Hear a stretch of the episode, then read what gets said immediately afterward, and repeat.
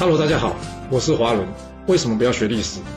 因为学历史会让你了解到顶层阶级的思考方式，成为他们的竞争者，所以他不希望你去学。还有学历史会让你看到许多前人成功及失败的案例，你的竞争对手想要好好的睡个觉，所以他也不希望你去学。最重要的是，学历史会让你了解人性，你的老板以及同事都希望你保持天真的心，所以他们更不希望你去学。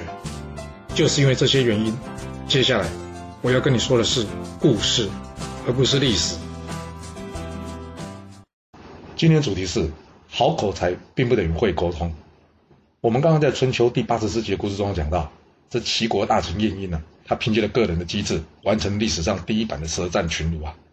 但我个人觉得呢，这在辩论上来说是可以的，但是若从沟通上来说呢，却是一个怎么样非常成功的失败案例。这怎么说呢？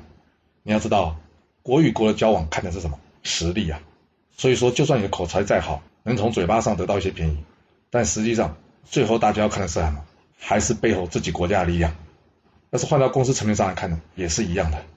若是你把晏婴这酸人的技巧给学精了，而说话之前呢，没有把自己的实力弄清楚啊，这可能反而会适得其反的。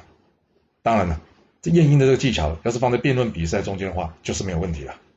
我个人也喜欢辩论比赛。因为这是一个非常好训练口才的机会。你除了要说服对手、裁判呢，更重要的是事先要收集以及预判对手的想法。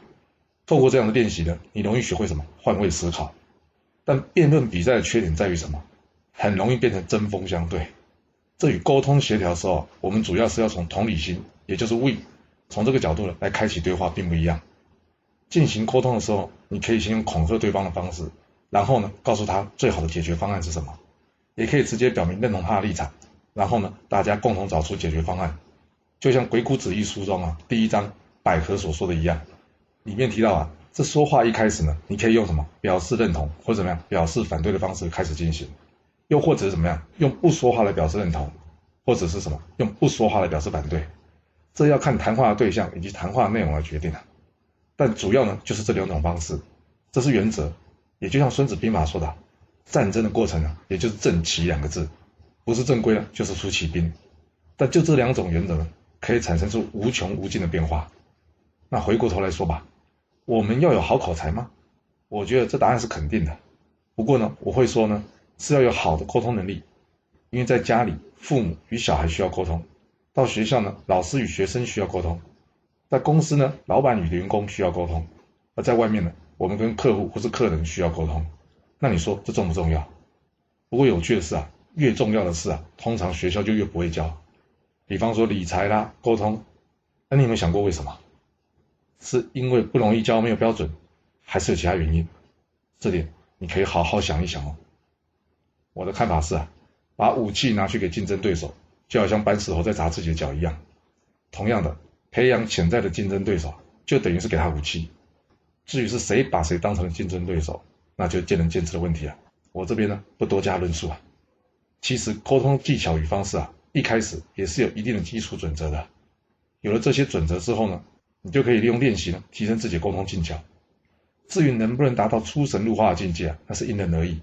我们拿赛跑来做比喻吧，它也是有一套标准的操作方式或是训练方式的。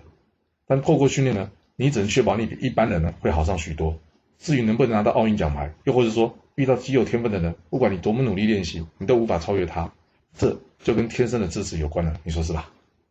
毕竟啊，人各有长，我们无法事事比人强。不过在重要事情或是技巧上，要是能维持一定的水准，毕竟不是坏事。那至于这沟通的技巧，要是要好好的说明起来啊，可能要花好几集。以后有机会呢，我会再找时间跟大家说明。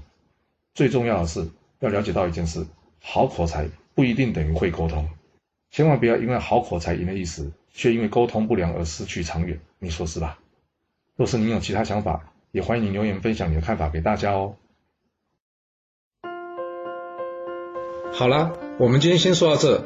如果你就是不听我的劝，想知道完整版的故事内容，你可以从说明栏找到我爱故事频道的连结。